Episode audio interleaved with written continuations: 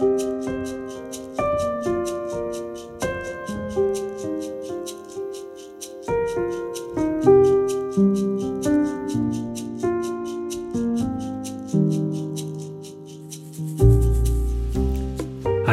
du lytter til Spires pod, og mitt navn er Vidar Mæland Bakke.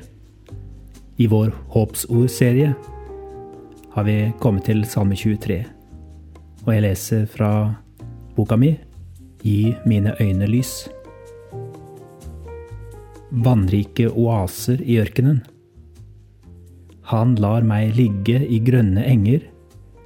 Han leder meg til vann der jeg finner hvile. Han gir meg nytt liv. Han fører meg på rettferdighetsstier for sitt navns skyld. Salme 23, vers 2-3. Jeg vet at jeg på de aller beste dagene i livet mitt lett har tatt Guds godhet som en selvfølge. Det var de dagene da jeg var ved vannrike oaser i ørkenen. Salme 23 ble til i et område av verden der vannet er en begrenset ressurs. Vann er noe vi nordmenn nesten tar for gitt fordi vi vanligvis har så rikelig av det. I Bibelen er vannet et symbol for selve inngangen til Guds rike, dåpens vann som gir oss del i det evige liv, uansett om vi er barn eller voksen, konge eller sauegjeter, livsglad eller deprimert. Dette vannet er det Gud som leder meg til, sier salmedikteren David. Kan du ta et lite øyeblikk akkurat nå? Kanskje lukke øynene?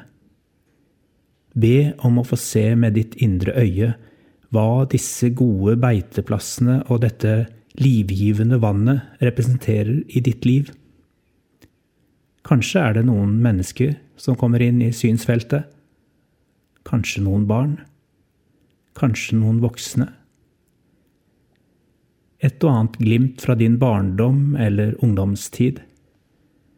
Eller er det øyeblikk i voksen alder da du fikk erfare Guds godhet, så du fortsatt kan kjenne smaken av det på tunga? Det kan være spesielle opplevelser, eller bare selve hverdagen. De ganske vanlige dagene som kom og gikk, men som tross alt rommet mye godt. Så vil jeg be deg om å gå på oppdagelsesferd i eget liv akkurat her og nå. Det kan hende du ikke ser så mye vann som veller frem. Kanskje må du lete litt for å finne kildene. Men se om du kan finne et eller annet sted hvor det pipler det handler om små ting som gjør godt i livet på tross av alt det andre. Jeg vil oppfordre deg til å dvele ved de små tingene. Oppsøk mer av det som gjør godt. Ikke som et tankeeksperiment, men som små, praktiske handlinger i hverdagen. Senere kommer jeg mer inn på depresjon og isolasjon fra andre. La meg bare her minne om at depresjonen ofte skaper onde sirkler. Trøtthet og manglende overskudd gjør at vi orker mindre sosial kontakt. Mangel på sosial kontakt kan over tid lede til isolasjon og forsterke depresjonen. Om det er aldri så vanskelig, kan du trenge å bryte den onde sirkelen ved å være sammen med andre. Oppsøke sosiale arenaer litt og litt mer.